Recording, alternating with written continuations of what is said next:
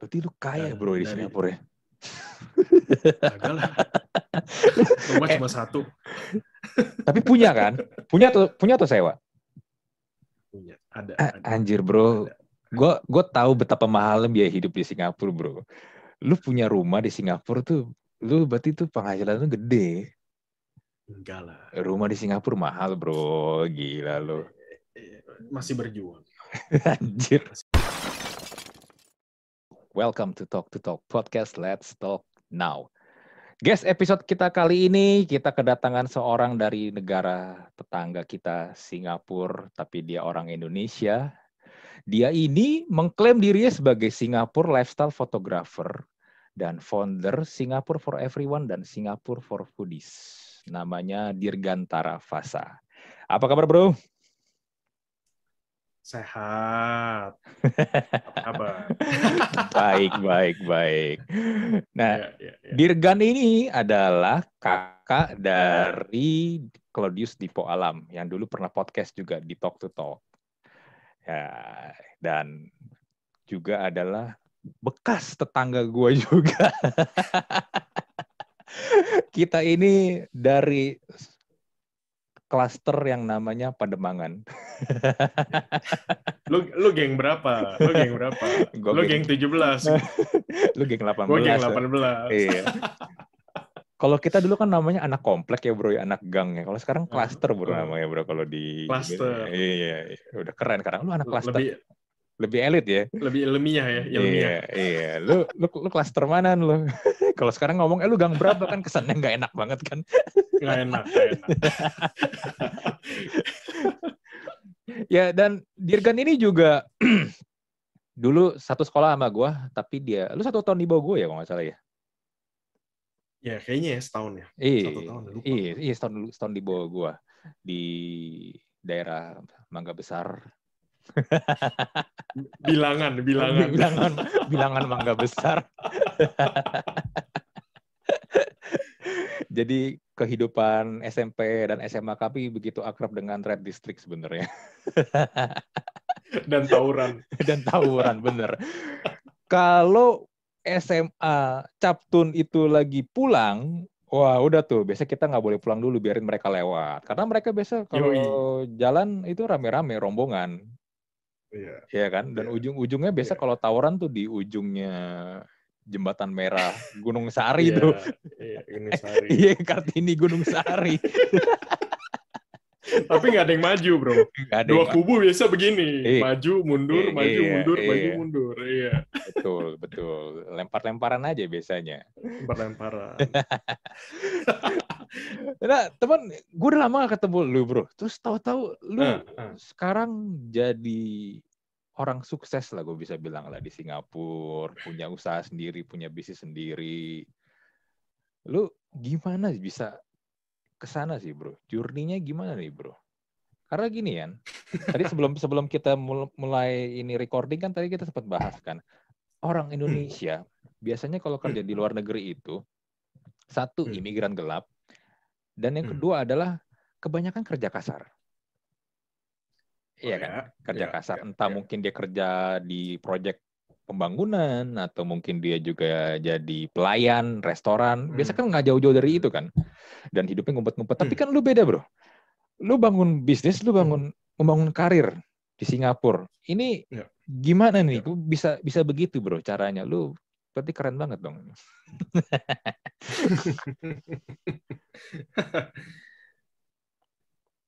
ya, ya, ya begitu. Enggak lah. Jadi intinya Gimana nih gini nih? Kan gini deh. Kan lu lu, lu SMA nih, lu SMA lu lu kuliah. ah SMA kuliah, kuliah, kerja. Balik ke BM sih waktu zaman SMA dulu, Hmm. gue pernah ada satu buku tuh. Jadi Hmm. gue nggak tahu apakah semua orang pernah melakukan hal yang sama. Kalau gue zaman SMA dulu, gue ada satu buku yang gue tulis eh, bucket list gue. Oh, Oke. Gue waktu masih umur berapa ya? 15-16 saya. Gue nulis Hmm. satu buku. Hmm. Gue harus udah keluar dari rumah gue. Hmm. Mungkin se gue tinggal sendiri, survive eh, maksimal umur 25. Hmm, 25 ya. Oke. umur 25. Gue udah harus benar kerja di luar negeri lah kalau emang kalau emang diizinin lah umur Hmm. segitu. Hmm. Gue keluar dari Indo. Ya udah gue kerja di mana? Di di di, di Sinarmas dulu. Ya. Di Serpong kerja di Hmm. sana. Eh, setelah lulus my first company my official first company. Karena sebelum sepanjang gue kuliah itu gue juga kerja kerja juga. Hmm. kerja kerja eh, buat bayarin uang kuliah juga kan. Tapi udah ada basic lah. Jadi waktu masuk Sinarmas the the proper full time work di sana gue kerja. Tapi sambil gue ngeplay Hmm. keluar dan waktu itu juga eh ngeplay aja ke mana aja target gue sih antara Australia sama Singapura gue nggak bisa ke Amerika karena kejauhan Hmm. ntar nggak ada yang take care bonyok kan kalau gue dari Australia 5 jam dari dari eh, Singapura palingan satu setengah jam dua jam gue udah nyampe di Jakarta kan jadi Mhm, gue lihat eh, secara geografis kan dan Hmm. waktu itu Dipo kan udah di sana udah di Amrik Iya, betul. Hmm. Nah, dan adik gue yang cewek juga kayaknya mau ke sana juga ada indikasinya waktu itu Hmm. ke Amrik jadi gue lihat nih kalau gue ke Amrik juga abis. Cuman ada adik gue yang kedua kan ada yang jagain kan. Hmm. nyokap bokap. Ya udah dan akhirnya ngeplay ngeplay aja. And then ya banyak doa sih. Paling penting sih doa. Hmm. yang penting gue gua kirim gue nggak ngarep. Gue kirim gue nggak ngarep. Kebanyakan orang jadi stres itu saat ini kan kenapa mereka sampai bayar-bayar agent kenapa mereka kena tipu? Karena mereka desperate.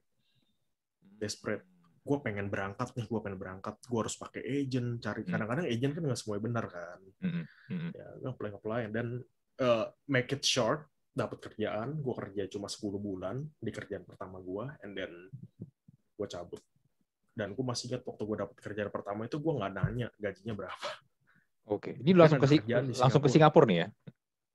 Hmm. Hmm. gue langsung bawa koper sama duit 600 dolar Hmm. gue nggak punya siapa-siapa dan arrive uh, sempat interview dua kali sih gue terbang ke Singapura Hmm. uh, sama perusahaan ini dapat udah finalize ya udah mulai karir di situ dari situ perusahaan ini saat ini gue kerja di perusahaan ketiga gue jadi gue udah beberapa kali ganti kerjaan sih Hmm. Hmm. Hmm. dan the career ya karir gue naik saat ini gue jadi regional sales manager Hmm.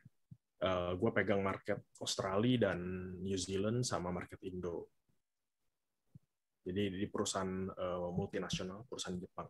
Hmm. di bidang food ingredients ya ya.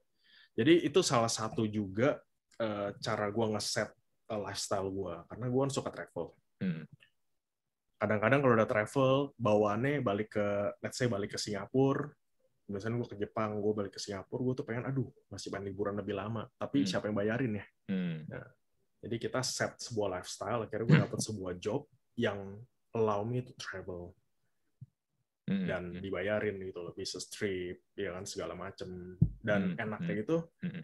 eh, rekor gue sih dalam setahun itu gue travel 200 hari itu rekor gue lagi waktu lagi peak banget ya 200 hari itu gue di luar negeri and yang bikin gue senang sama eh, kerjaan ini adalah gue bebas gue mau nentuin kapan gue mau terbang Hmm. beda loh kalau pramugari kan roster kan oke Betul. Hmm. Lu lu berangkat nah jadi gue bisa Hmm. decide Christmas gue ada di mana Hmm. tahun baru gue mau sama keluarga Hmm. itu semua gue yang atur. Nah, that's, that's, that's. Hmm. Gue sempat lihat di konten lu, lu ini ya nyobain bisnis kelasnya Japan Airlines ya. Eh, Jepang ya Jal ya Jal Eh, Jal, Jap- masih Japan Airlines waktu itu ya. Iya, iya. ya ya ya Hmm. Jepang ya ya that's that's one of the perks karena kalau gue Hmm. terbang kan gue dapat mileage Hmm. Ya and actually that's for free Hmm. ya dan ya just just play around with a vlog eh tapi konten-konten begitu kan orang kita demen bro melihat sesuatu yang Demen.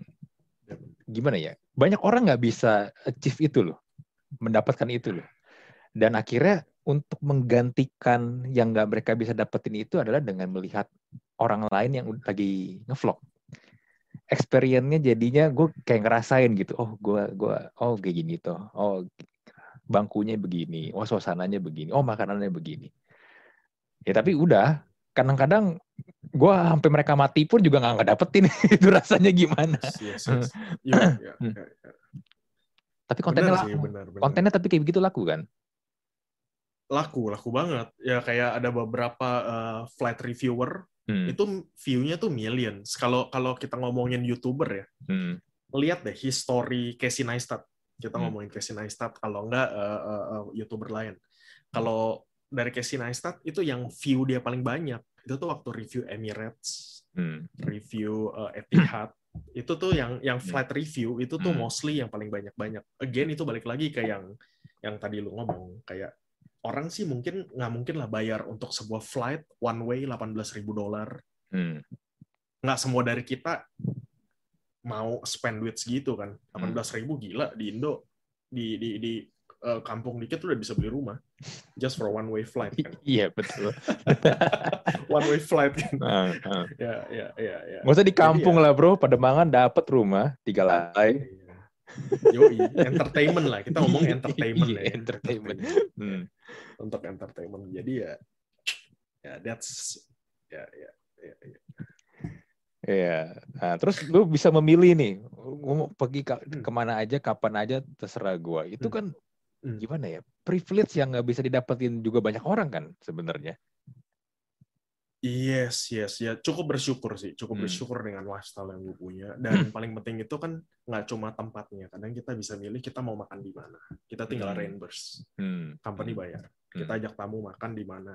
Hmm. Kita bisa tinggal di hotel yang mana. As Hmm. long masih dalam uh, range budgetnya company, Hmm. kita Hmm. bisa pilih.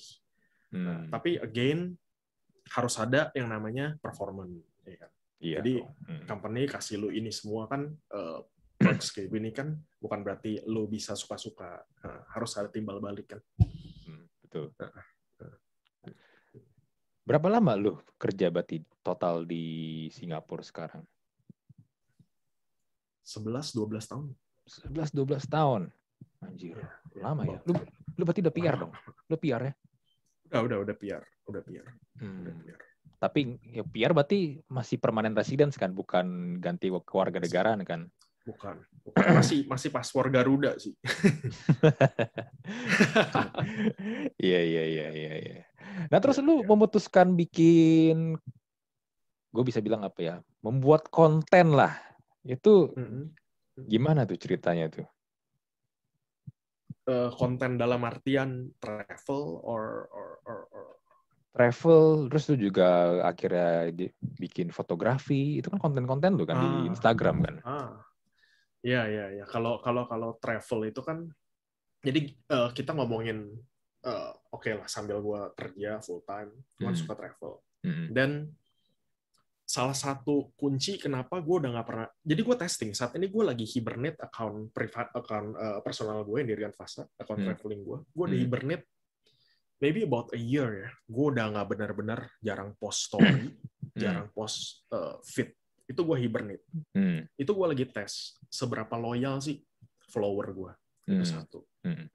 kedua eh gue lagi ngetes juga kira-kira they miss the content or they they miss the people the brand Hmm.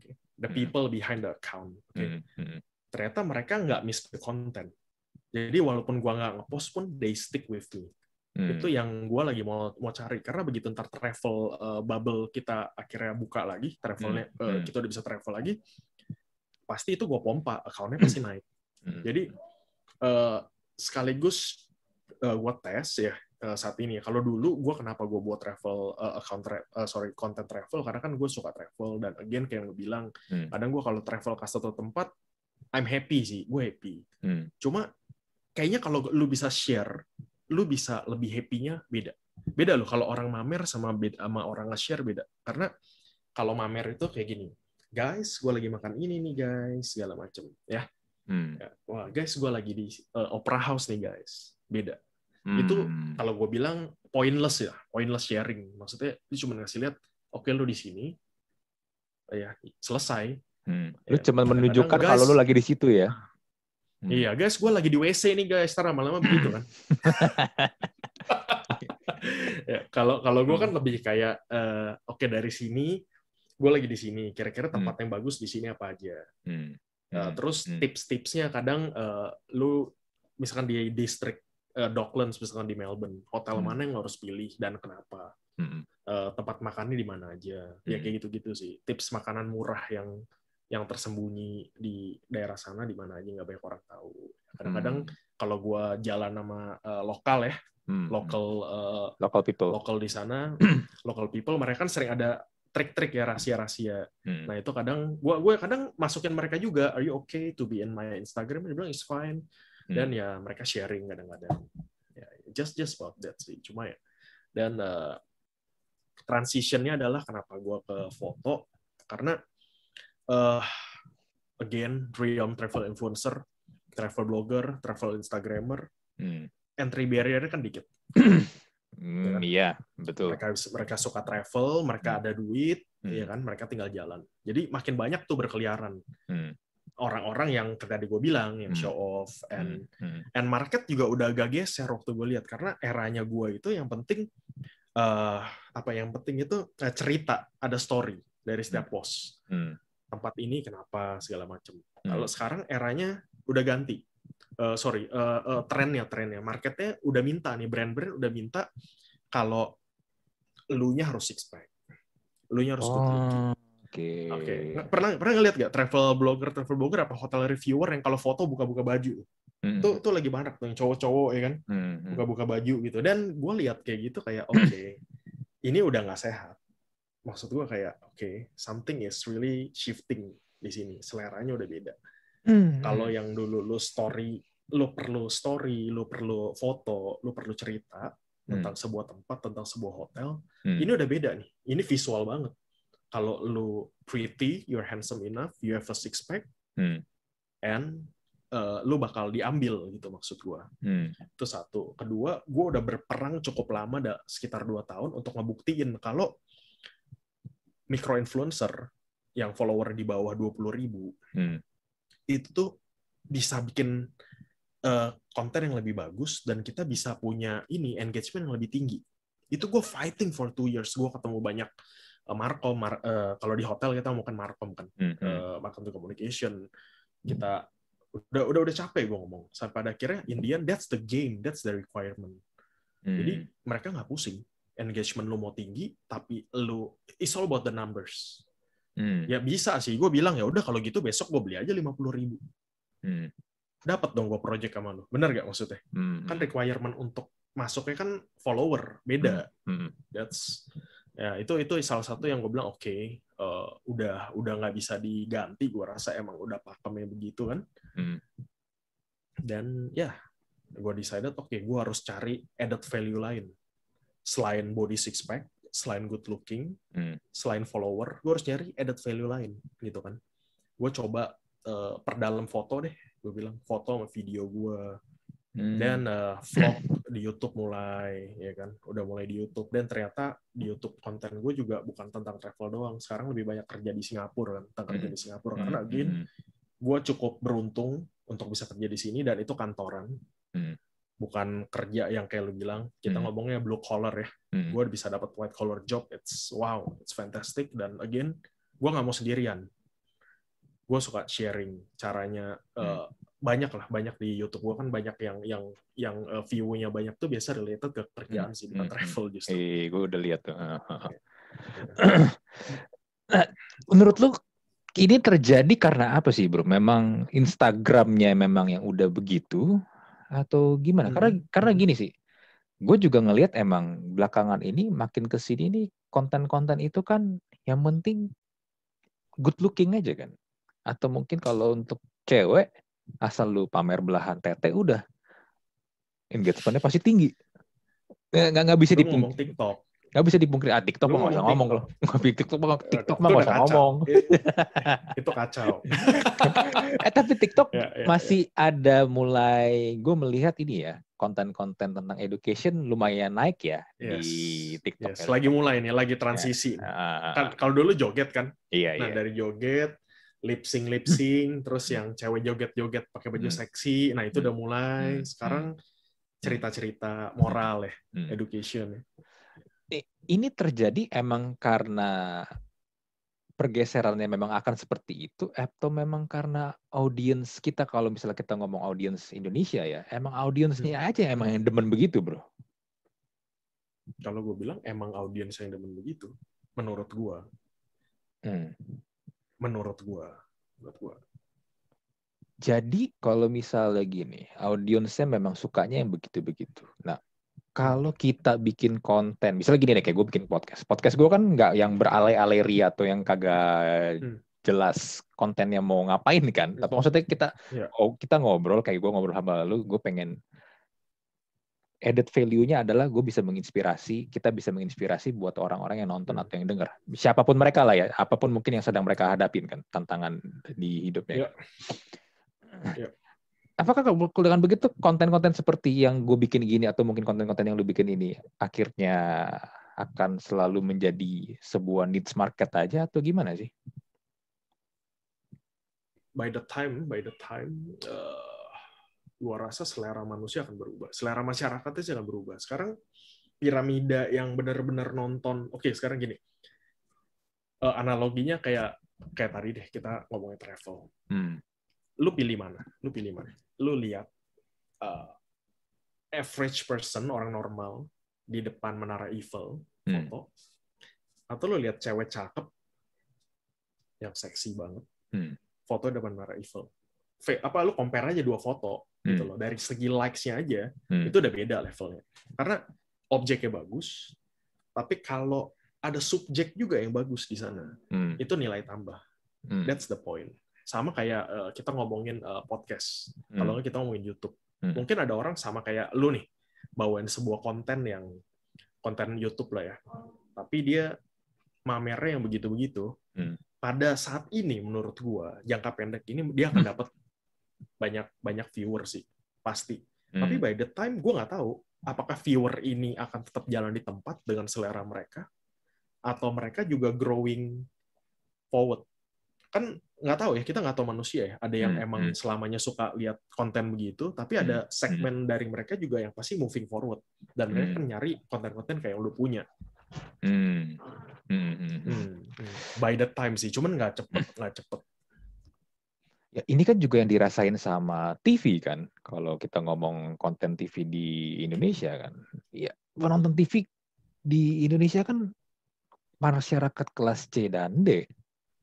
Ya. Ya makanya Ya. TV TV memprovide juga acara-acara yang untuk masyarakat kelas C dan D.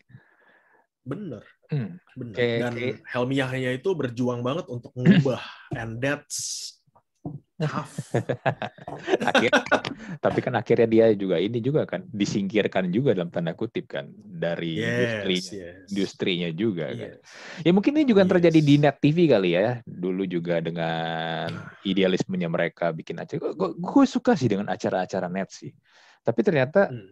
untuk memproduksi acara-acara seperti itu costnya gede banget bro. Hmm. Nggak, Hmm. nggak, nggak ketutup sama iklan dan yang lain-lain. Ya karena balik lagi. Sharingnya, ratingnya kecil. yes yes yes yes yes yes Ratingnya kecil. Ya, tapi kan itu TV ya. TV kan butuh modal gede ya. Eh, untungnya sih kalau konten-konten kayak kita gini di YouTube atau mungkin podcast gini di Spotify masih ini ya, Hmm. nggak padat modal ya. iya Iya, iya benar benar benar. Untungnya begitu loh, untungnya.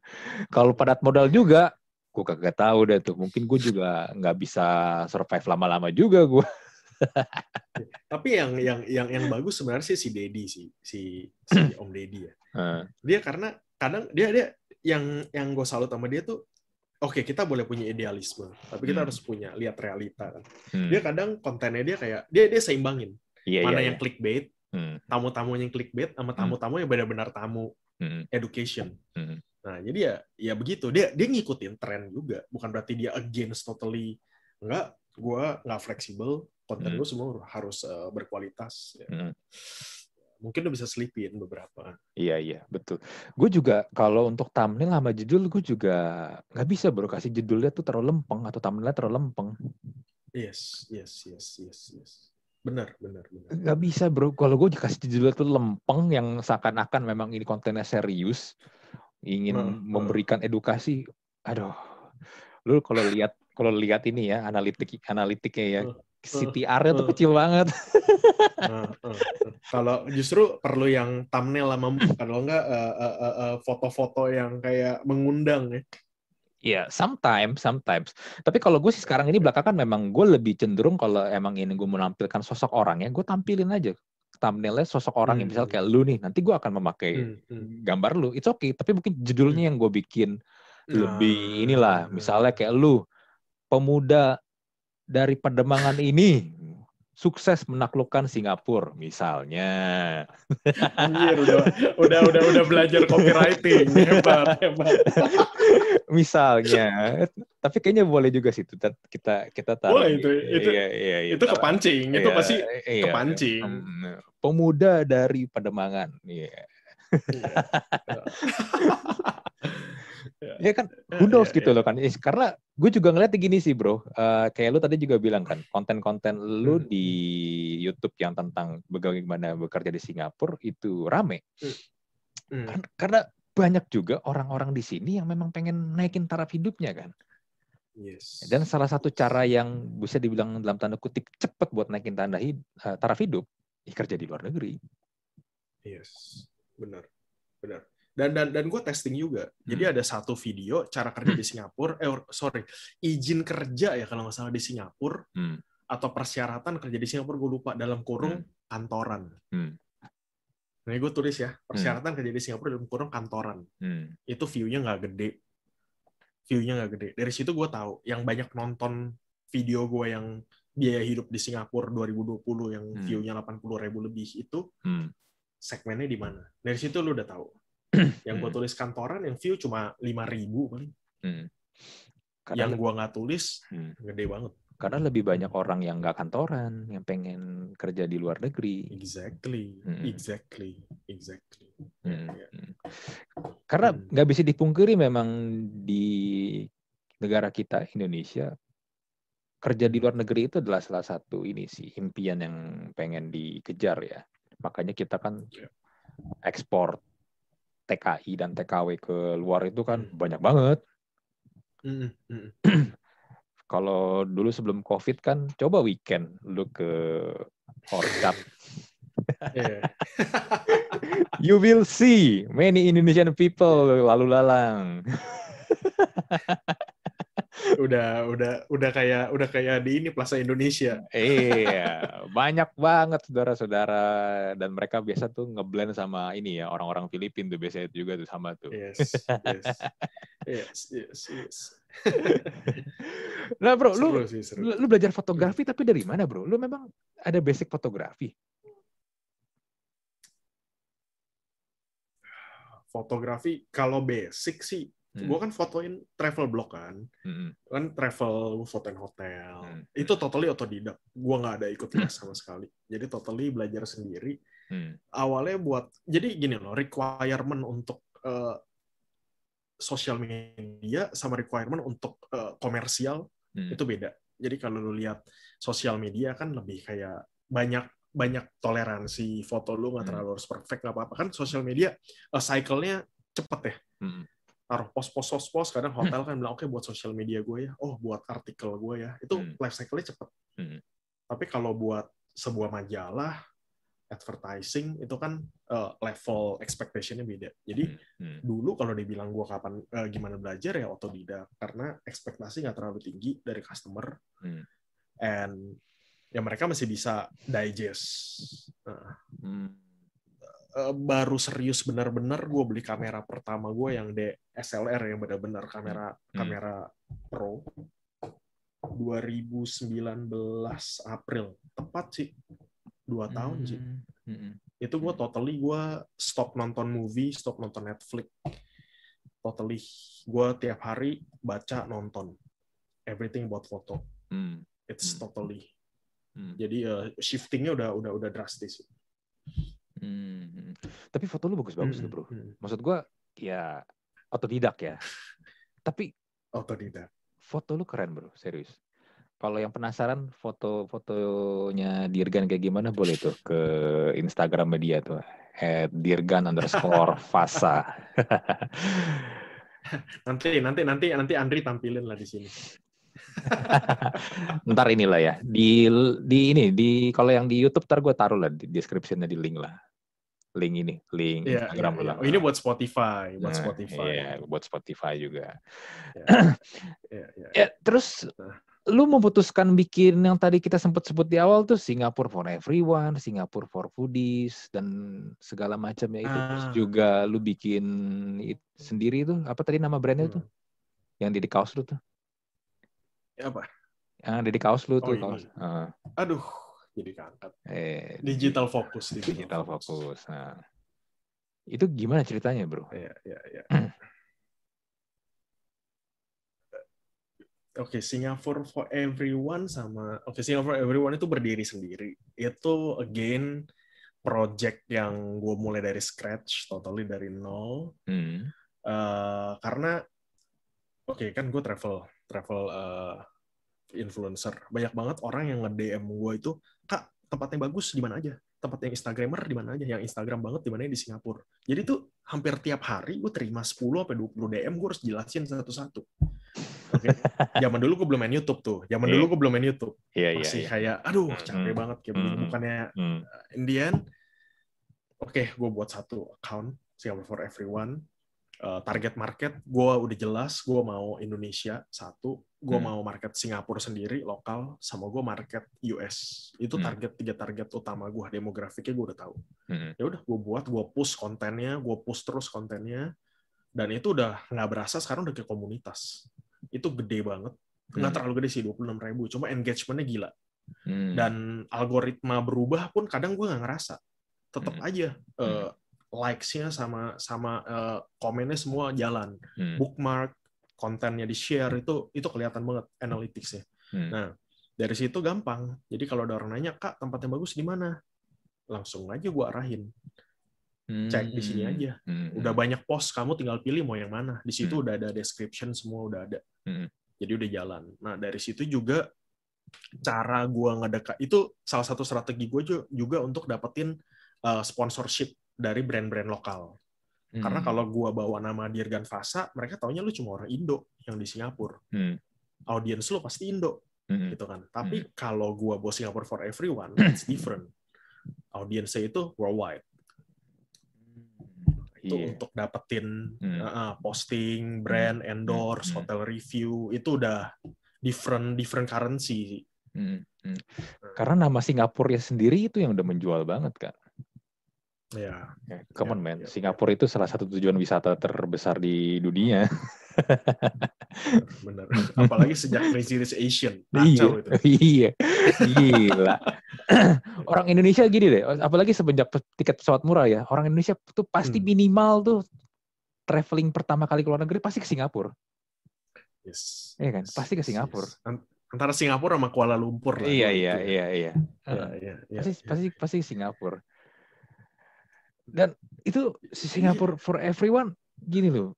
Jadi lu dapet endorse berarti nggak cuman dari Indonesia doang dong, Singapura juga dan Hmm, dari hmm. brand-brand dari negara lain juga masuk ke lu nih. Ya, eh, sebenarnya sebelum COVID itu udah mulai deras. Gue karena target gue tuh gue pengen dapat dari lokal Singapura sih, Hmm. dari eh, eh, tourism tourism related products di sini gitu loh. Hmm, hmm, ada at least ada 3 4 hotel, 3 sampai 4 hotel eh, dia minta gue datang buatin konten, video buat mereka. Hmm, Terakhir hmm. gue sama Mandarin Oriental hmm. Singapura. Jadi waktu lagi Covid itu dia mau kita boost dia punya staycation. Hmm. Ya, jadi kita ya buat konten lah buat mereka. Hmm. Ya, Hmm. ya. Hmm. Jadi ya, Bro, gue salut sama lu sih bro. Gak gampang lu bro, di Singapura lu bisa bikin konten kayak begituan bro. Gini, gue punya temen, dulu pernah tinggal juga di Singapura, Hmm. kerja kantoran juga. Hmm, hmm. Dan Hmm. mereka bilang kalau di Singapura itu barrier untuk orang bikin bisnis sendiri itu susah loh. Karena kalau menurut cerita mereka, orang Singapura itu mindsetnya lebih kalau lulus kuliah, ya lu kerja di kantor. Masih lebih banyak begitu Hmm. dibandingin Indonesia. Indonesia mungkin untuk jiwa entrepreneur masih lebih tinggi sih. Orang bisa buka usaha sendiri, jual makanan, segala macam. Sedangkan kalau di Singapura itu kalau udah lulus kuliah orang pasti akan lebih memilih untuk kerja di kantor, kerja di perusahaan dibandingin gua harus mikirin buka usaha, bisnis segala macam. Karena kata barrier-nya susah. untuk daftar bikin company di sini less than three hours lu udah bisa punya company sih. Proses dok, uh, pembuatannya gampang. Hmm. Lu ada KTP, lu ada partner, at least harus dua orang kan. Hmm. Udah, company jadi. Gitu. Hmm. Problemnya adalah how to succeed, ya kan gimana cara buat company jalan, Hmm. running. Hmm. That- That's benar kata kata temen lu benar karena marketnya kan kecil. Singapura itu marketnya kecil. Hmm. That's the that's the problem. Eh, kalau gua dari kita ngomongin tadi kan Singapore for everyone sama Singapore for foodies kan itu content distribution. Hmm. Kita ngomongin content creation itu di Food Shooter sama di Dirgan Fasa Pixels. Hmm. Jadi waktu gua mulai fotografi di sini, gua tahu, gua realize banget untuk compete dengan Singapura lokal fotografer, gua nggak bakal bisa menang. Hmm. Fair to fair fairan aja lah. Hmm. Hmm. Orang fotoin family, gue Indonesian, ya kan. Hmm. Indian language barrier juga kan nggak nggak nggak sesinglish mereka Hmm. mereka bisa ngomong Mandarin gue nggak bisa Hmm. Indian market gue gue udah tahu siapa waktu gue mulai bisnis market gue adalah semua traveler Indo Hmm. yang datang ke Singapura Hmm. jadi dari follower gue tuh mulai jadi follower gue mau berangkat kak aku datang nih tanggal segini fotoin ya kak oke itu gua udah gua schedule semua tak tak tak tak tak gua Hmm. jadi tuh Hmm. gue berasa banget dari periode itu tuh anjir gaji kantoran gua tuh bentar lagi kena overlap dari ini nih income yang lu dapetin dari, dari foto gila gak? anjir Gue gue foto week, Hmm. gue foto weekend Hmm. itu kadang foto weekend Hmm. bisa 3 sampai 4 family Hmm. yang datang. Hmm. Jadi gua susun. Sabtu Lu udah- jalan, Minggu jalan. lu pakai tim dong nggak mungkin lu kerjaan sendiri dong Ya, gua gua ada tiga, gua ada tiga, ada tiga orang sama gua. Hmm. Jadi bareng. Jadi Hmm. orang Hmm. Indo juga bertiga, teman main bola juga. Hmm. Jadi kita ada komunitas bola di sini namanya Cendol FC. namanya tetap namanya tetap aja ya kearifan lokalnya itu nggak bisa hilang ya Iya, Jadi Cendol FC jadi itu orang-orang yang yang yang Hmm. yang ini, yang apa yang Dipo juga pernah main di situ. Terus banyak lah banyak yang teman-teman eh, anak-anak BM yang ada masuk Singapura, Hmm. gua tarik Hmm. generasi-generasi baru. Hmm. Ya gitu-gitu sih. Jadi kebetulan dari kita bertiga suka foto, kayak kita mulai, kita Hmm. mulai ngambilin traveler dari Indo dan mulai meningkat jadi nggak cuma Indo, Hong Kong, Hmm. ya makin lama makin gede. Hmm. Hmm. Berarti lu kaya Dan bro di dari- Singapura ya? Agak lah. Rumah Eh. cuma satu Tapi punya kan? Punya tuh punya tuh sewa? punya. Ada. Ah, ada. Anjir bro, Ada. Gue gue tahu betapa mahalnya biaya hidup di Singapura bro. Lu punya rumah di Singapura tuh, lu berarti tuh penghasilan lu gede. Enggak lah. Rumah di Singapura mahal bro, gila lu. Eh, Masih berjuang. Anjir. Masih berjuang. Nih, nih, nih, nih gue suka kayak gini nih, orangnya merendah kayak gini nih. Tapi Ya. bentar, bentar lagi diangkat nih.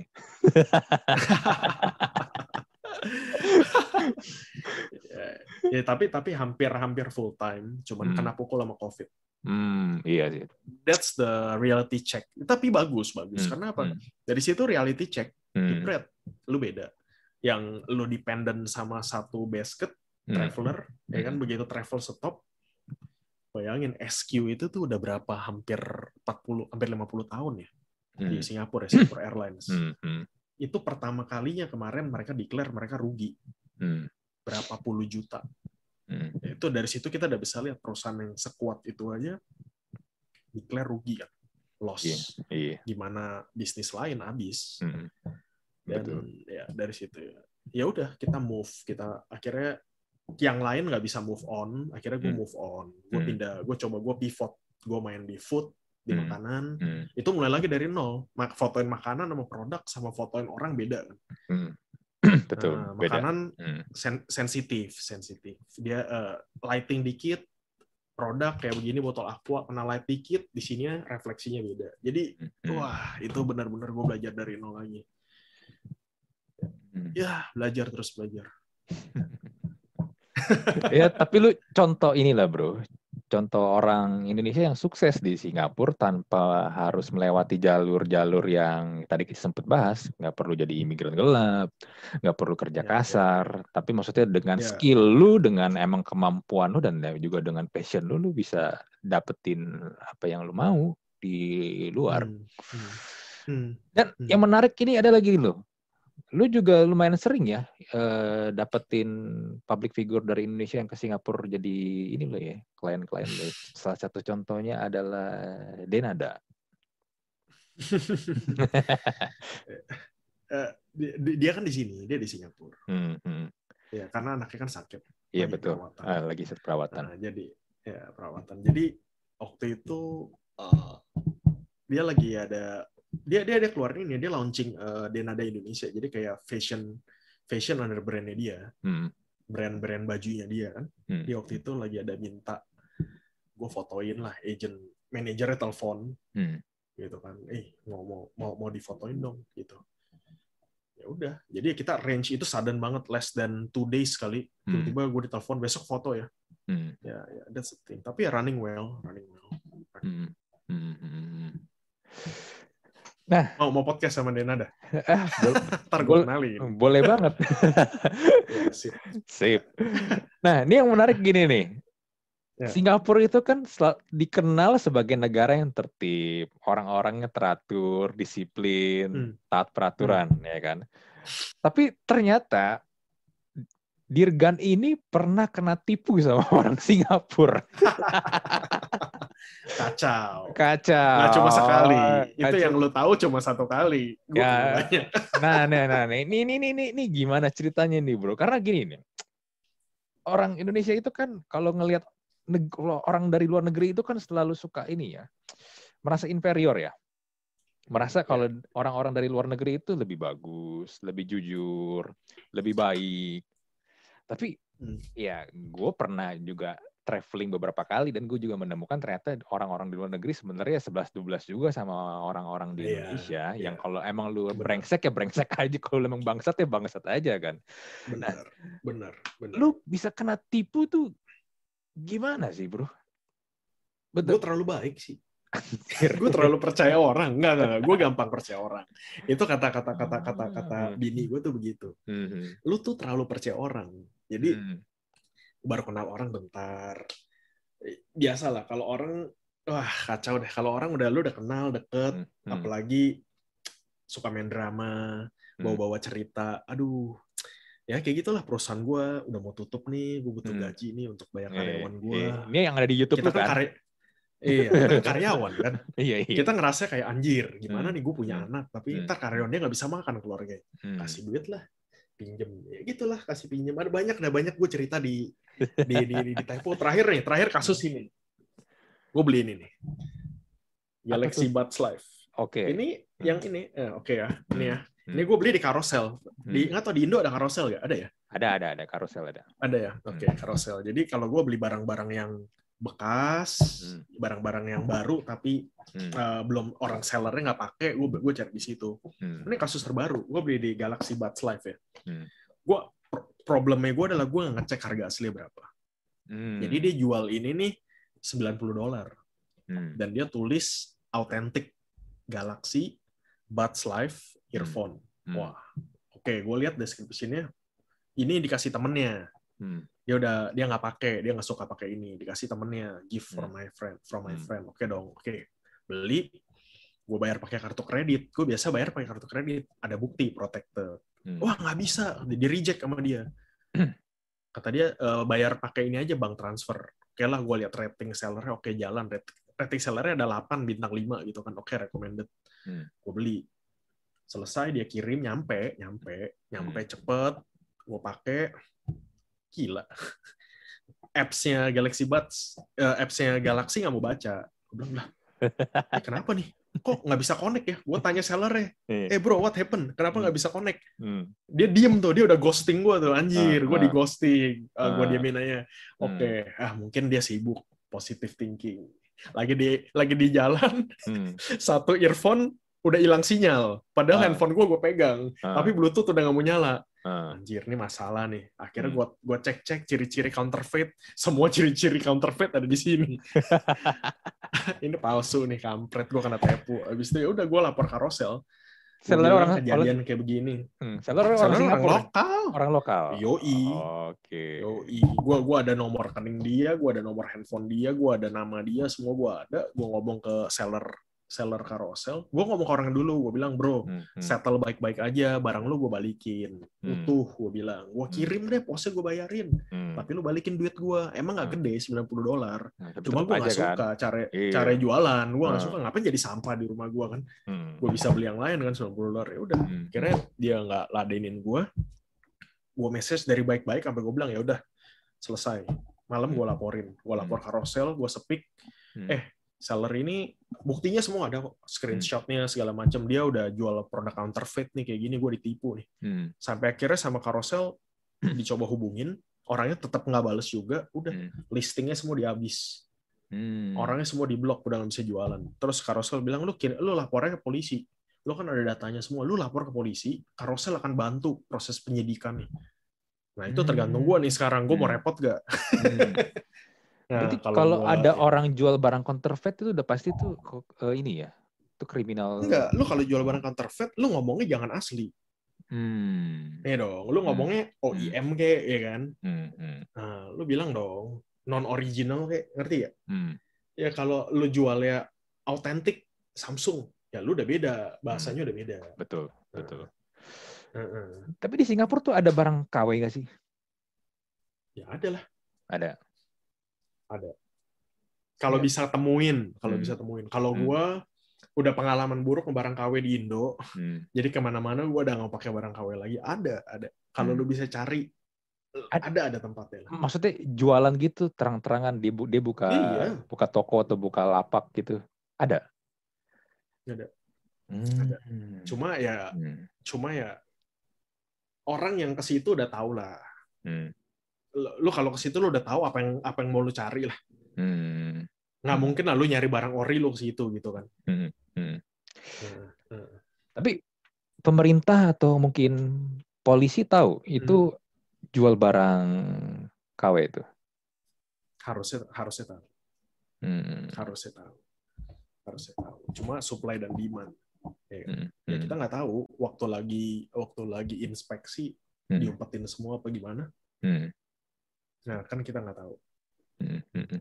Karena gini bro, gue gue ada pengalaman begini nih. Ini juga barang temen gue yang pas lagi di Singapura sih. Ah, Di Orchard itu kan mall antar mall kadang-kadang seberang-seberangan kan. Kadang kita mesti lewat tunnel di bawah kan. Jadi ada kayak ibu-ibu gitu setengah tua lah ya.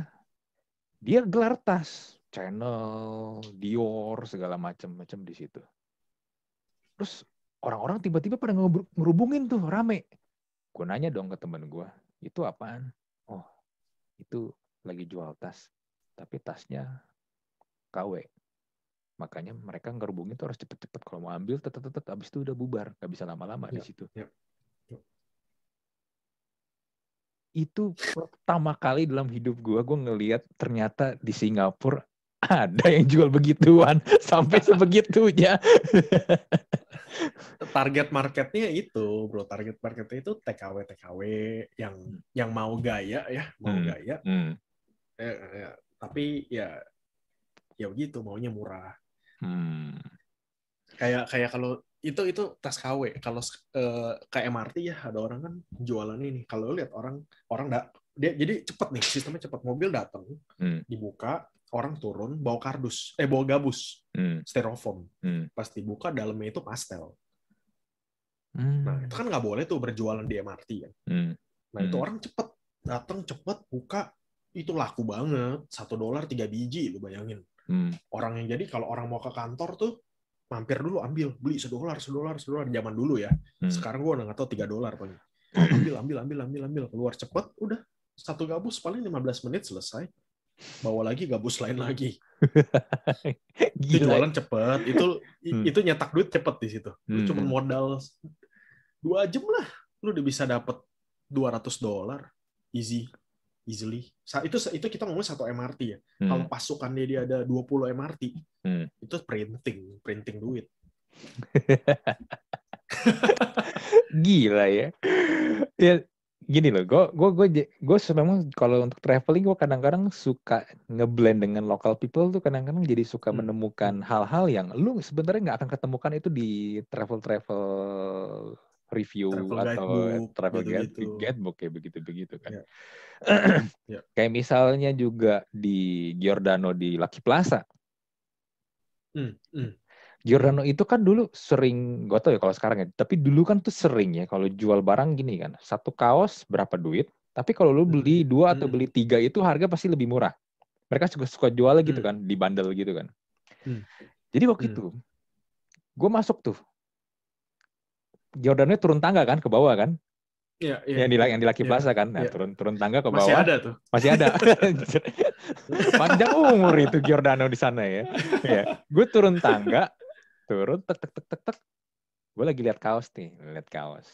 Terus Hmm, tiba-tiba hmm, ada ibu-ibu nyamperin gue, hmm. ngomong dengan Singlishnya yang intinya ngomongnya begini. Hmm.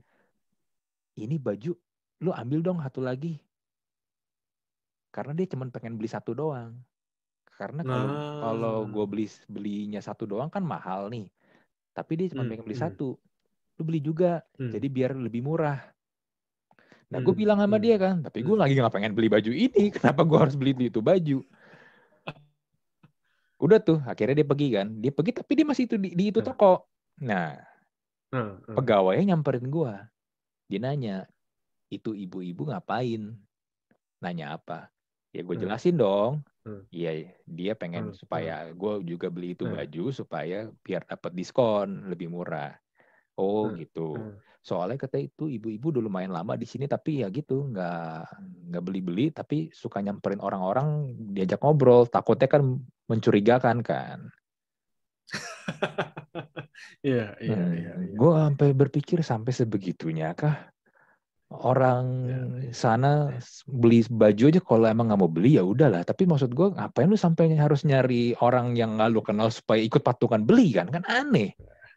Iya, aneh. Enggak, itu gue berapa kali sih gue pernah kena. Cuman waktu itu kebetulan eh, nggak bukan ibu bukan tua, masih anak muda. Hmm. Paling orang kantoran. Cuman ya again nggak mau rugi. Jadi dia they try their luck ya kan. Hmm. Akhirnya udah gue sharing jadinya. Jadi dia kasih gue cash, gue bayar pakai kartu kredit gue, dia kasih gue duit cash. Duit duit paruan ini kayak patungan jadinya. Iya iya. Tapi untungnya itu Hmm. eh, store wide, jadi nggak harus spesifik item. Kalau spesifik item sih ribet. Jadi dia beli barang cewek, gue beli Hmm. barang cowok. Hmm. Nah, jadi dua item digabung. Nah itu masih cengli lah. Kalau yang Hmm, lu hmm. punya sih kayak agak susah tuh di Giordano kan spesifik. Iya betul betul. Pikiran spesifik. Iya, Pengalaman ya, iya pengalaman. pengalaman. Dan temen gue cerita sama gue, orang Singapura tuh banyak yang kayak Hmm. begitu. Karena kenapa? Ya. Biaya hidup di sana tinggi, bro. Ya Iya. pasti lu, lu, lu lebih ngerasain lah ya. Lu, lu udah tinggal di sana ya, udah Hmm. 11 tahun, 12 tahun kan. Makanya banyak yang kayak Hmm. begitu. Malah teman gue cerita troli. Hmm. Troli itu Hmm. katanya kalau di Singapura kan, kalau lu pakai, lu bayar kan. Hmm. Satu dolar ya kalau nggak salah ya. Troli di kayak di Satu dolar supermarket. itu Iya. kayak kayak retainer, retainer. Jadi setiap troli itu ada lobangnya buat masukin koin. Ah iya iya. Jadi lu taruh satu dolar baru bisa ngambil. Nah, iya. Selesai lu Ah. balikin, Hmm. satu dolarnya balik. Satu dolarnya balik. Balik. Nah, teman gue cerita begini. Ini ada ibu-ibu, trolinya Hmm. tuh nggak mau dibalikin dulu, tapi dia teriak-teriak Hmm. sebelum dia keluar dari itu supermarket. Ada yang Hmm. mau ambil nih troli gak? Ada yang ambil ambil nih troli gak? Terus gue tanya, kenapa? Hmm. Temen gue bilang, si ibu itu nggak mau bayar satu dolarnya. Hmm. Ya, ya, ya, ya, ya. Nah, gue nggak tahu tuh apakah itu memang hanya sekedar retainer kah atau memang dia harus uangnya angus atau enggak, gue nggak tahu deh. Tapi, Ah, ah, ah. eh come on man, one dollar. Iya, iya. Itu masih belum parah. Yang lebih parah yang yang Hmm. yang lumayan marak tuh trolinya dibawa pulang. Anjir, troli Ini- dibawa pulang. Ini ini ini pinter, ini pinter. Gue cuma modal sedolar, Hmm, gue dapet troli. hmm. Jadi naik taksi, troli dimasukin ke bagasi, dia pulang. Ada juga kalau rumahnya dekat sama eh, supermarket, dibawa Hmm. pulang ke rumah. Lah, emang nggak dikejar Jadi apa? kalau ke pasar kan bisa bawa troli. Iya, tapi emang nggak dikejar apa sama Kadang nggak dikejar lah.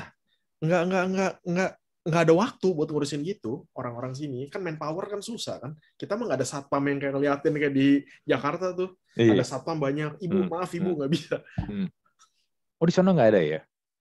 Nggak ada. Itu supermarket cuma ada nggak ada security kalau gue bilang cuma ada kayak ini CCTV Hmm. sama ada ini aja eh, kasir udah selesai bagian customer service udah selesai udah nggak ada nggak ada kalau di kalau di Indo kan ada ya di Carrefour ya ada security kan Ah, ah, ah. ntar Iya, lalu iya. kalau ke sini gua kasih tahu deh kenapa di sini apa eh, orang benar salah satu faktor kenapa gue pilih Singapura itu karena safety ya aman banget Hmm. Gue udah travel ke banyak tempat udah sampai ke you know beberapa kota yang gue anggap benchmark eh, di Eropa ya gue anggap sebagai benchmark kayak Itali Hmm. Jerman ya kan. Itali gue gua di Milan itu gue ngelihat kenyataan yang gue rasa oh man semua yang gue nonton di Serie A tuh hilang begitu gue masuk ke kotanya gue lihat shit I don't like this city.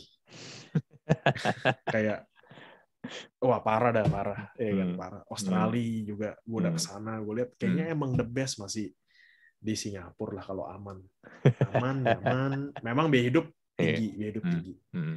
ya that, that's that's that's the ya plus minus lah setiap negara ada plus minus ya. Betul, betul. Kayak waktu itu juga gue ke Seoul, Korea. Ah, Kalau ah. di kalau di TV atau di film kan Korea itu indah ya. Seoul itu kota yang, yang bagus ya. Tapi ternyata banyak gelandangan, bro. Hmm.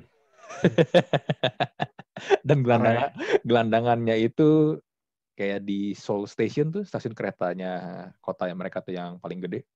Itu kalau malam tuh gelandangannya keluar semua.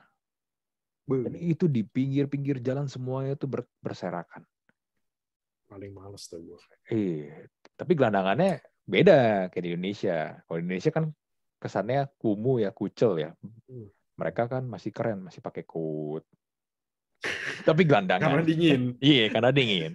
Tapi mereka gelandangan, homeless. tapi yang penting yang penting nggak rese nggak rese Em, rese ya rese relatif tergantung orangnya sih ya. Gue nggak bisa Hmm, bilang gini hmm. juga kayak orang-orang yang habis minum soju terus mabok-mabokan terus tiba-tiba ngegeletak di stasiun kereta pun juga ada aja ketemu. rese Oh, mm. Hmm. Ya kayak Iya, begitu lah bro.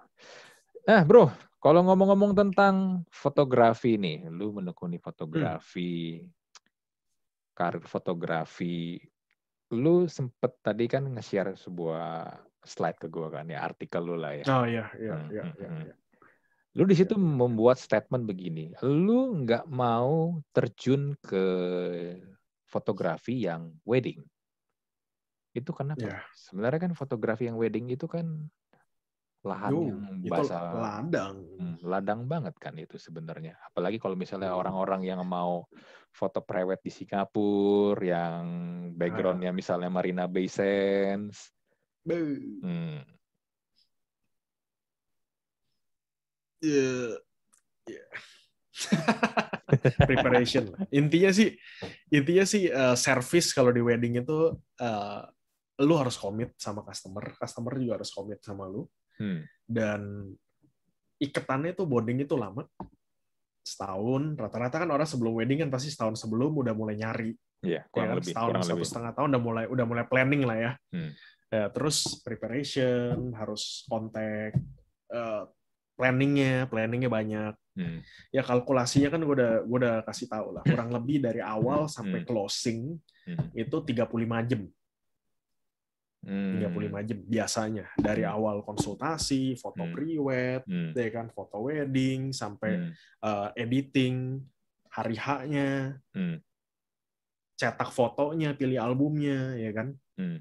belum kalau reshoot nanti ada ada mertua yang aduh kok anak saya nggak difotoin? Nah, neneknya yang ini nggak difotoin komplainannya emosionalnya beda ya. Jadi hmm, jadi eh, total 35 jam rata-rata 30 sampai 35 jam hmm, dan kalau di Singapura di sini tuh range harganya tuh gila ada yang orang banting di 1000 1200 hmm. 1800 3500 itu tuh termasuk yang premium loh di sini. Di Singapura. Jadi Hmm, di Singapura 3500 sing untuk kerja 35 jam sejamnya cuma 10 dolar. hmm, Ya kalau kita breakdown ya ini yang Hmm, ini yang hmm, kenapa orang-orang wedding photographer itu nggak pernah ngitung kayak begini mereka of course Hmm. lah lu dapat Sacenggo dapat 3.500 di depan mah gede, Hmm. ya kan? Hmm. Tapi perintilannya itu nggak di breakdown dan kadang ya gue selalu kasih analogi sih kayak lu ada ada ada apa ada 10 dolar per jam invest di gear capek-capek bawa Hmm. barang berat-berat bener gak? Hmm. ya kerja di McD jadi kasir 7 dolar sejam 7 sampai 8 dolar lu ngerti gak? Gak usah modal bener iya, gak? Iya, iya. Kalau mau Iya kan? compare Iya kan? angkanya iya sih. Mending lu kerja di Oh, McD iya. kan? iya nggak capek nggak dimarahin Hmm. orang lu nggak Hmm. teleponin orang maksudnya Hmm. kita mau ngomongin itu ya kita compare ya ya that's yang gua rasa kayak dan Sabtu Minggu itu yang gua nggak mau Sabtu Minggu kan Sabtu gua kadang main bola Hmm. dan gue mau relax gue nggak mau gue capek lu biasa kalau pulang kerja udah capek lu mau nonton bola pun jadi males kan Hmm. Waktu sama keluarga nggak ada jadi gue udah milih genre fotografi gue nih Hmm. gue mau di mana gue udah tahu wedding bakalan begini hidup lu Hmm. sambil lu punya baby next time juga berat anak lu Hmm. pasti kan family time kan sabtu minggu kan Hmm. Hmm. Betul. dan komitmennya panjang 12 jam lu foto Hmm. sehari Bangun juga pagi-pagi wah buta. jam 5 pagi ke bridal Iya, mending jam 5 pagi, Bro. Gua gua pas merit tuh jam 3 kan udah bangun kan. Mereka juga udah standby. fotografer standby Iya. oh my god Eh karena pas dul- dari dandan itu kan udah harus didokumentasiin Iya, iya, kan. Iya, iya, iya. Kalau iya, di iya. Indonesia kan kayak gitu. Eh, tapi gini ya bro, kalau ngomong tentang fotografi ya, khususnya wedding Hmm, ya, gue gue melihatnya Hmm. begini sih. Ya memang susah sih ya, karena ini Hmm. kan art ya, ini kan konten, Hmm, hmm, kon- hmm. gue bisa ngomong ini Hmm. konten kreatif kan ya. Hmm, hmm, hmm. Tapi problemnya gini, harganya tuh nggak pernah bener. The price is never right. Iya, iya. Karena begini, But dalam there is a there is a market price. Hmm, hmm. That's the thing. Yeah. That's the thing, betul. Tapi begini, kadang-kadang ada orang yang hitungannya sebenarnya masih baru, portofolionya dikit, tapi ngecasnya mahal banget. Serius, serius. Ada ini ada. Kan gue juga dulu kan nyari kan buat Tapi foto. hasilnya bagus. Nah, hasil Nah, ini juga balik lagi nih. Ini kan masalah selera ya. Gue Selera. Iya. Nah, Iya. makanya masalah gini, kalau karya itu konten kreatif, konten kreatif itu kan kadang-kadang lu nggak bisa menentukan ini nilainya 10, ini nilainya satu. Ini kan ini kan bukan ini loh, Bro, bukan kayak apa ya? Bukan kayak pertandingan bola yang lu kalau mau tahu hasil skornya ya udah lu kelihatan gitu 1-0, 2-0, 3-0. ini kan karya. Ada orang yang suka Abstrak, abstrak. abstrak bener. Ada orang yang suka yang modelnya begini, tapi mungkin juga ada orang yang nggak suka dengan modelnya begini. Itu kan beda-beda. Ya. Eh, Tapi penentuan harganya itu yang kadang-kadang memang, I don't know, kadang kadang-kadang nggak pernah ini sih, nggak pernah masuk sih. Hmm, hmm. Ya begitulah. Hmm. Oke, the price is never right. Kadang kalau gue selalu bilang. Se- se- sebenarnya apa ya? Kalau untuk ini kan market consumer ya, Hmm, market B2C ya. hmm, Mostly kan dipengaruhin sama eh, kalau B2C itu kan mostly dipengaruhin sama eh, lebih ke ini sih, ke apa?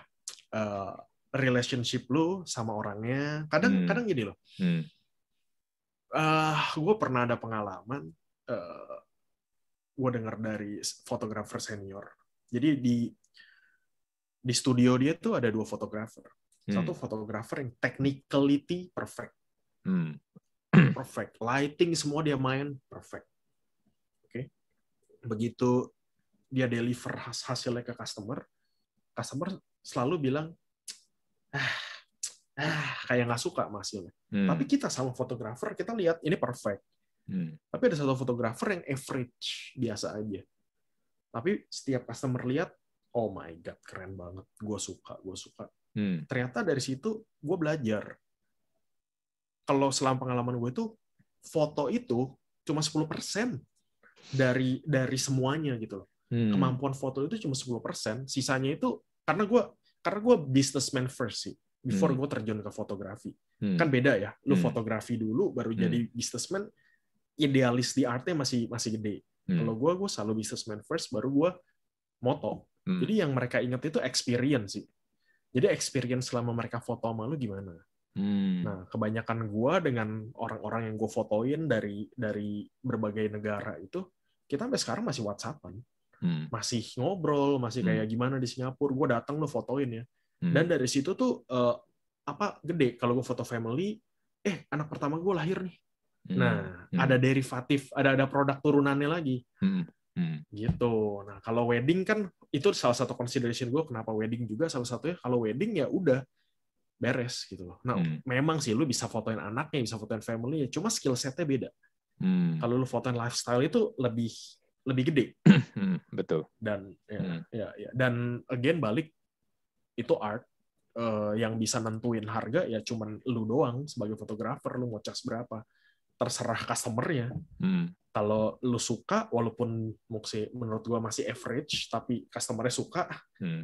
mau bayar that's ya tergantung market price ya Hmm. udah beli cuma berapa banyak sih orang kayak gitu ya kan Hmm, hmm, hmm.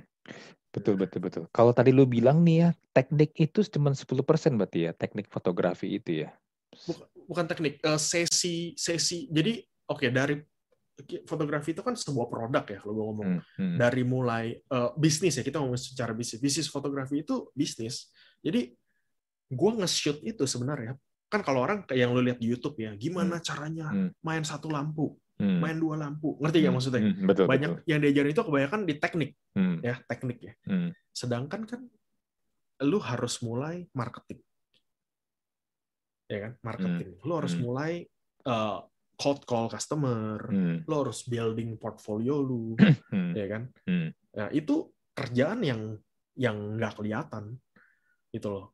Sebuah sesi foto terjadi karena yang proses di depannya. Gue mulai teleponin customer satu-satu hmm. ya kan? Gue mulai iklan ya kan? Kadang-kadang ya gue ketemu orang dan Hmm. gitu begitu nah itu kan Hmm. bukan sesi foto kan? Hmm, ya editing editing gue kalau gue nggak bisa handle gue ada ada ada ada third party gue outsource. Hmm, retouching gue kasih orang gue nggak mau pusing. Gue dateng beres semua gue jepret foto beres hmm, kalau gue nggak pegang gue tinggal cari gue ada beberapa backup fotografer kan hmm. gue tinggal telepon foto ini ini ini gue ambil duit sekian sisa lu pegang jadi Hmm, hmm, ya kita udah coba running as a business bukan kayak self employee lagi kan hmm, hmm. kalau self employee kalau gua nggak bisa kerja nggak ada income Betul.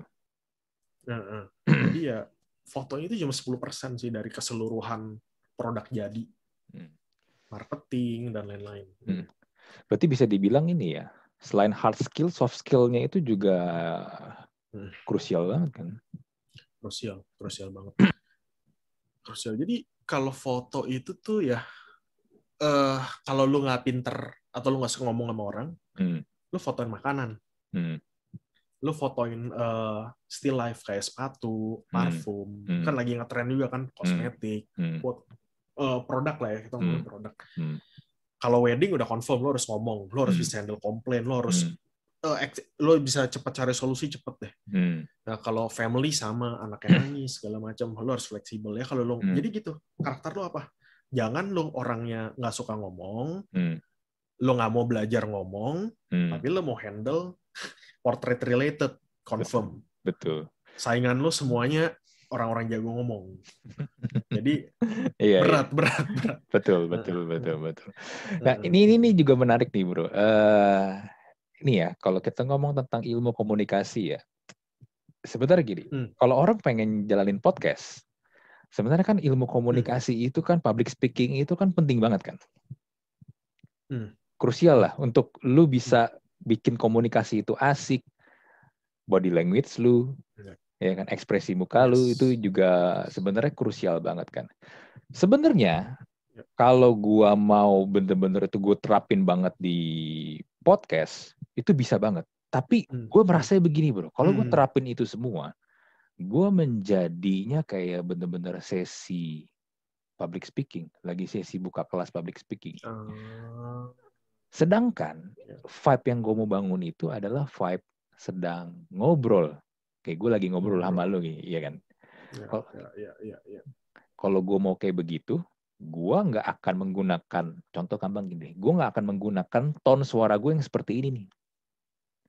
Hmm. Karena kalau gue Hmm. menggunakan tone yang bener-bener yang ini ya, kalau menurut gue yang memang Formal ya? formal atau mungkin yang public speaking Hmm. yang benar dan baik, mungkin gue nggak akan bikin suara gue seperti sekarang yang cenderung lebih cempreng, cenderung lebih ringan. Gue akan bikin suara gue lebih deep. Ya, Klub yang mau gue bangun kan tapi kan ngobrol kan, biar lebih asik, biar Iya, lebih iya. enak Benar, ngobrolnya, benar, biar biar benar, santai. benar. Karena gini, kalau tadi lu bilang kan kalau misalnya buat fotoin orang, lu harus bangun ini Heeh. eh, komunikasi sama orang gitu kan. Yes, yes, yes. yes. Kalau buat gua bikin podcast, yang harus dibangun dulu adalah lawan bicara gua. Itu harus Hmm. itu harus connect dulu tuh. Biar enak ngomongnya, biar ya, enak ya. ngobrolnya. Ya, ya, ya. Gua nggak terlalu peduli sebenarnya dengan apa respon dari audiens di yang dengar atau yang nonton. Karena Hmm. itu pasti Hmm. akan mix and match lah. Gua gua nggak bisa gua nggak bisa Iya. mem- memuaskan semua orang. Tapi yang bisa gue puaskan ketika gue lagi bikin konten ini adalah siapa yang gue lagi ajak bicara ini. Itu Benar. dulu, itu dulu. Kalau orang yang gue ajak bicara itu belum bisa nggak bisa enjoy ngobrol sama gue, ya gimana gue bisa bikin orang lain yang dengerin atau yang nonton podcast ini enjoy, Iya kan? itu Setuju, dulu setuju, makanya. setuju, Itu setuju. dulu poinnya bener. Dan itu kan faktor X sebenarnya loh. Makanya kenapa Ya, ya. kenapa banyak orang juga nih yang sekarang ini podcast kan rame banget ya di Indonesia ya. Terutama Oh, iya. pas lagi COVID kemarin 2020. Orang tuh pada rame-rame bikin podcast, Oh. Bro. Nggak public figure, nggak Oh. orang biasa. Gila tuh podcast gila-gilaan. Rame banget yang bikin. Ya, Sekarang karena udah mulai turun. sekarang mas gue bilang sekarang sebenarnya industrinya lagi sedang naik mulai kelihatan ada brand-brand dan juga beberapa yang bikin agency-agency untuk podcast dulu kan paling influencer Hmm. Instagram, selebgram Hmm, atau TikTok hmm. yang juga lagi rame kan podcast ini mulai dilirik untuk kita Hmm. Hmm. I see. Mm-mm, kayak gitu ya tapi itu menurut gue kadang faktor-faktor itu yang suka orang tuh nggak nangkep bro orang Ya, pernah nanya sama ya. gue gimana caranya lu bisa ngundang beberapa guest yang public figure? Gue bilang gue undang aja gue DM aja nggak kenal pun gue DM gue message aja. Ditolak ya udah dicuekin ya udah. Tapi ketika lu ingin membuka pembicaraan perkenalkan diri lu siapa lu tujuannya apa mau ngapain. Dan juga ya kalau tadi yang sempat kita bahas ya kalau lu udah bangun portofolio ya lu tunjukin aja portofolio lu. Misalnya gue pernah ngobrol sama si A si B si C. Yang mungkin juga orang lain ketika mendengar nama mereka udah langsung oh gue tahu dia siapa. Itu itu akan jauh lebih enak gitu. Karena karena bro di di sini ya gue kadang-kadang bingung ya sama orang-orang kita tuh kalau ingin memulai suatu percakapan entah itu di chat atau di email tuh kayak orang bingung harus nulis apa Hmm. Itu menurut gua sih sebenarnya harus lu latih sih kalau lu memang pengen ini ya bisa membangun Hmm. relasi ya sama orang lain ya Hmm. Hmm. gue paling benci, gue paling benci tuh kalau ada orang nggak kenal nggak apa tiba-tiba ngechat dengan huruf P doang Ada.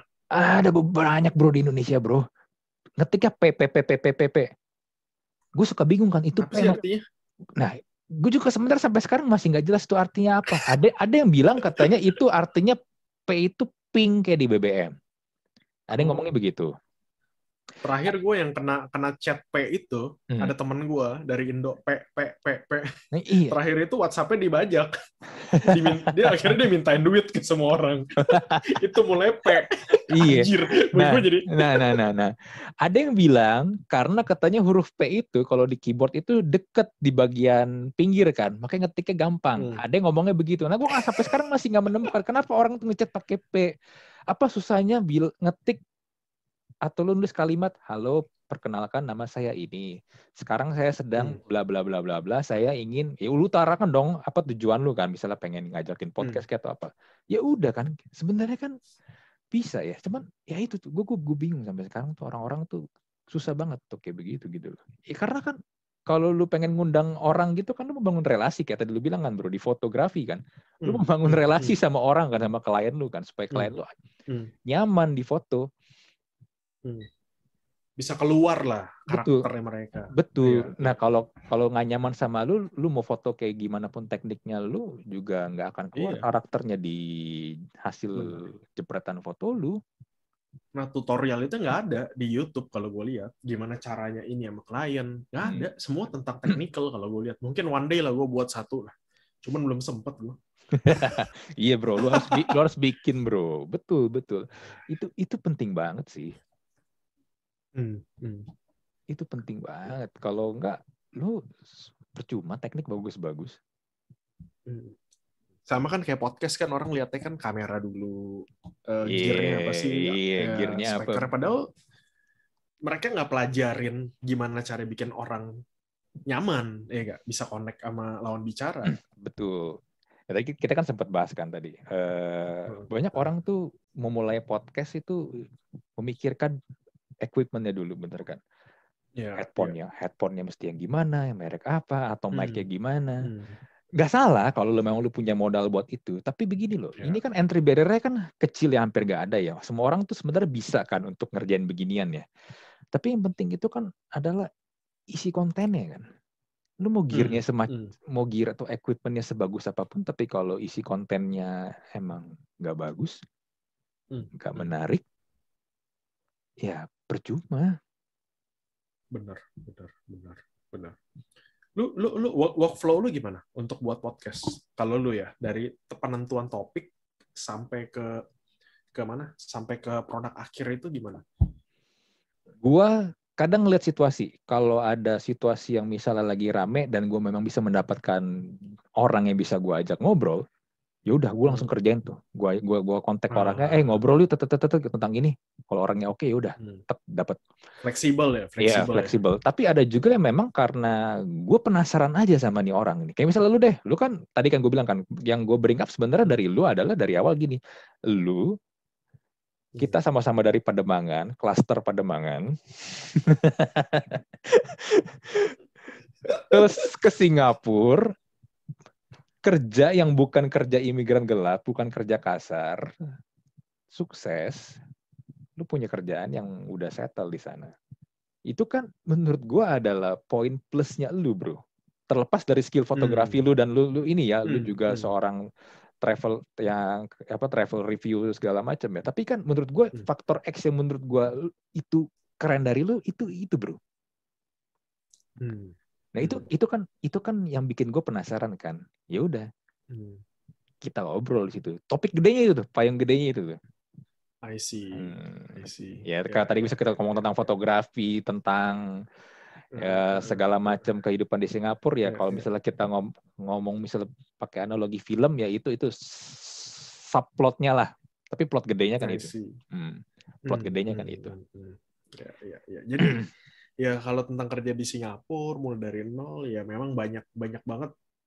Eh, Kadang orang gini loh, kak aku mau jadi waiter dong, aku mau kerja apa aja di Singapura, kak aku mau kerja di hotel dong. Kadang mereka tuh eh, gini nggak nggak ngerti eh, cara kerja di sini tuh gini loh.